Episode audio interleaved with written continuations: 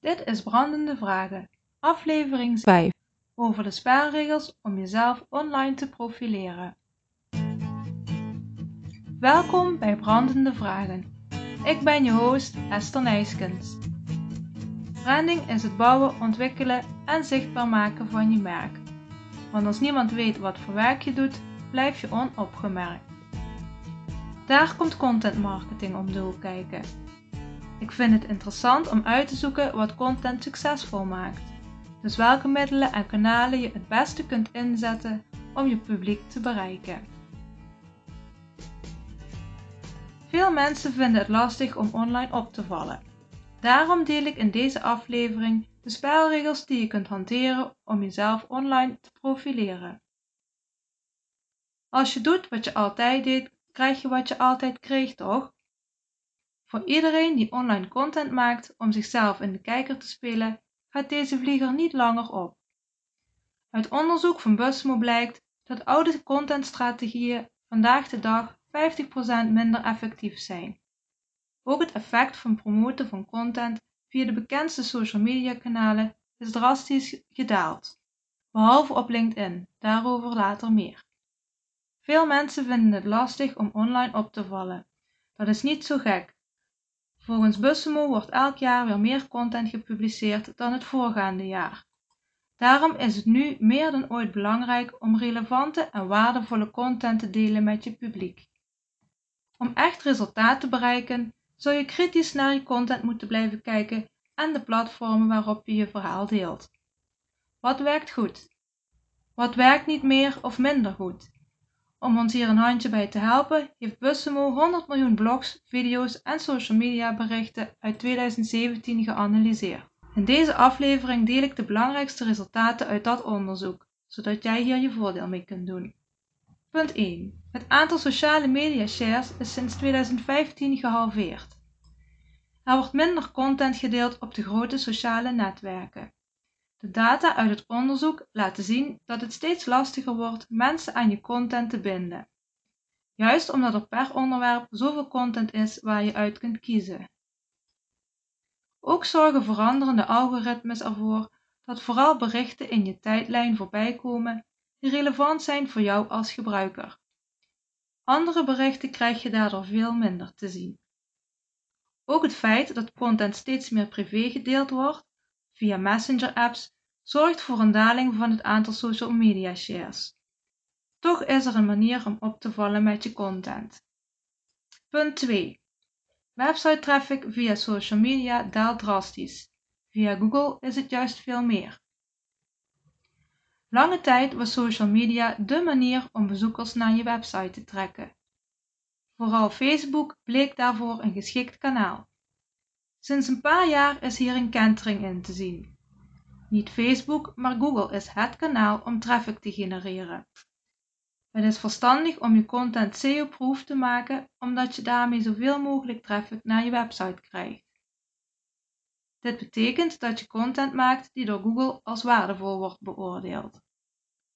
Punt 3. De betrokkenheid bij Facebook-berichten neemt drastisch af.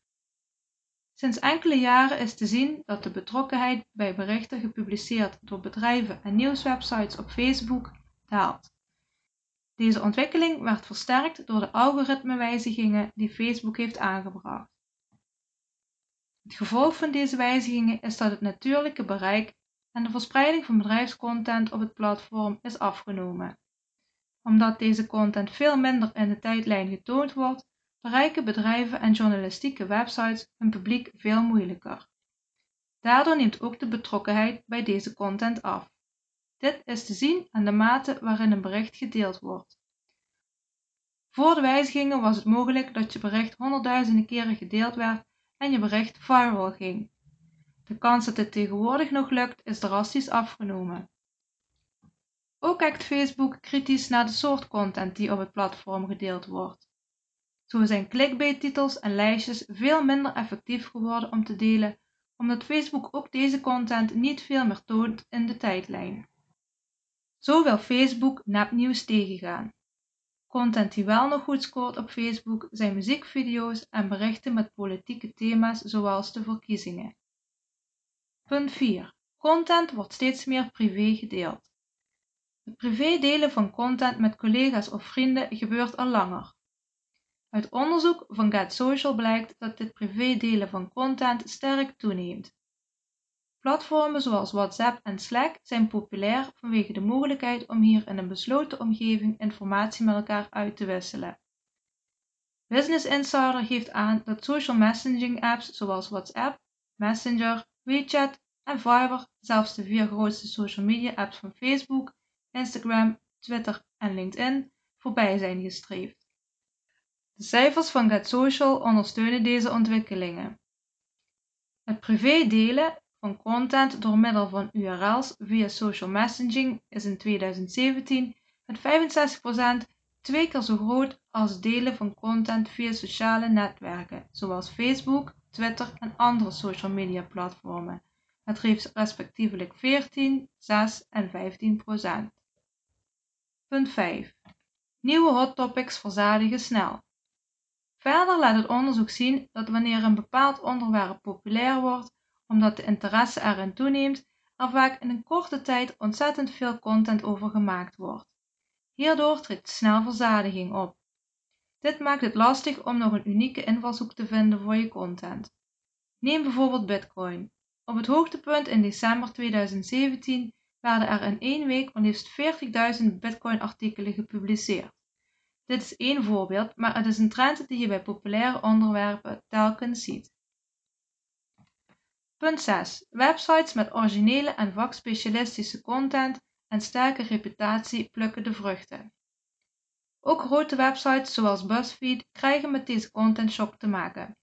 Ondanks de reputatie die ze als platform hebben opgebouwd, zien ook zij een stevige daling in betrokkenheid bij hun berichten via social media. Toch is er ook goed nieuws te melden. Er zijn sites waar content wel nog veel gedeeld wordt en er zelfs een stijging te zien is in de hoeveelheid shares. Wat is hun geheim? Ze maken diepgaande en waardevolle content.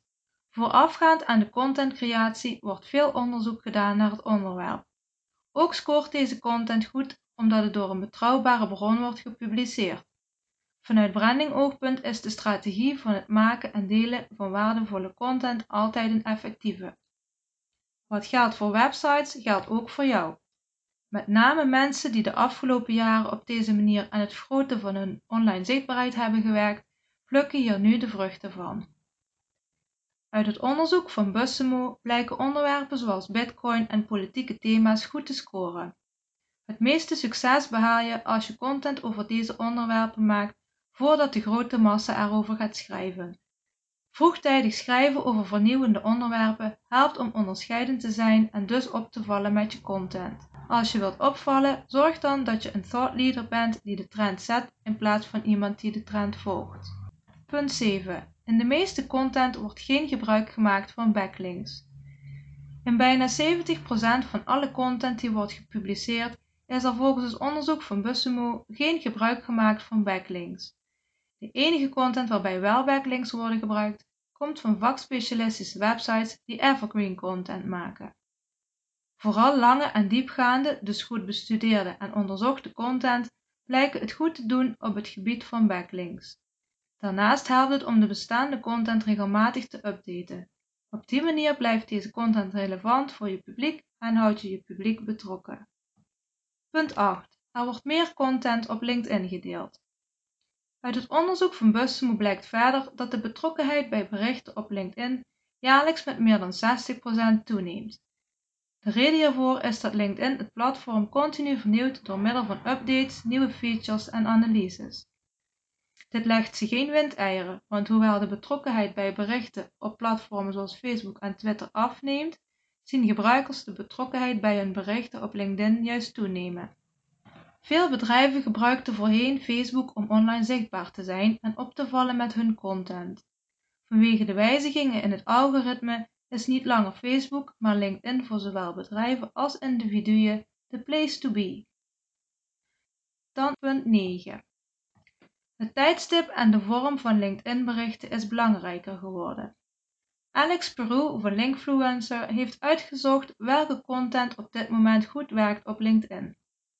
Volgens hem is het eigenlijk heel simpel.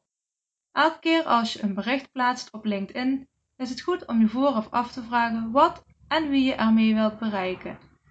Op basis daarvan kun je kiezen voor één van de volgende opties. Alleen tekstberichten, tekstberichten met een afbeelding of videoberichten. Is het doel van je bericht om je naamsbekendheid te vergroten en mensen kennis te laten maken met je merk? In dat geval raadt Bureau aan om voor een tekstbericht te kiezen omdat je daarmee in eerste instantie de tweede en derde graad connecties bereikt. Maandag tussen 10 en 1 is volgens hem het beste moment om een tekst-only bericht te posten. Wil je juist trouwe klanten en relaties bereiken, dan is een tekstbericht met afbeelding of een videobericht volgens Bureau een goede optie, omdat dit in eerste instantie met name aan je eerste graads connecties wordt getoond. Wil je daarvoor een tekstbericht met afbeelding gebruiken, doe dit dan op woensdag tussen 10 en 1. Past een video beter, deel deze dan op donderdag of vrijdag eveneens tussen 10 en 1. Uiteraard is elk publiek weer anders. De informatie in deze luisterblog kan een richtlijn zijn om te bekijken wat voor soort posts op welk tijdstip het beste voor jouw LinkedIn-netwerk werkt. Monitor daarmee vooral het eerste uur na publicatie hoe je berichten doet, want hoe hoger het aantal likes, shares en comments op dat moment is, hoe groter de betrokkenheid en het bereik van je bericht uiteindelijk zal zijn. Social media blijft belangrijk voor je contentstrategie maar de spelregels zijn ten opzichte van een aantal jaren geleden behoorlijk veranderd. Met name Facebook en Twitter zijn minder effectief geworden voor het delen en promoten van content. Het is een stuk minder geschikt voor het genereren van traffic, maar het is nog steeds een effectieve manier om naamsbekendheid op te bouwen en betrokkenheid te creëren. Google en LinkedIn zijn populairder en wel effectief voor het delen en promoten van content. Ook het privé delen van content met collega's of vrienden wordt steeds populairder.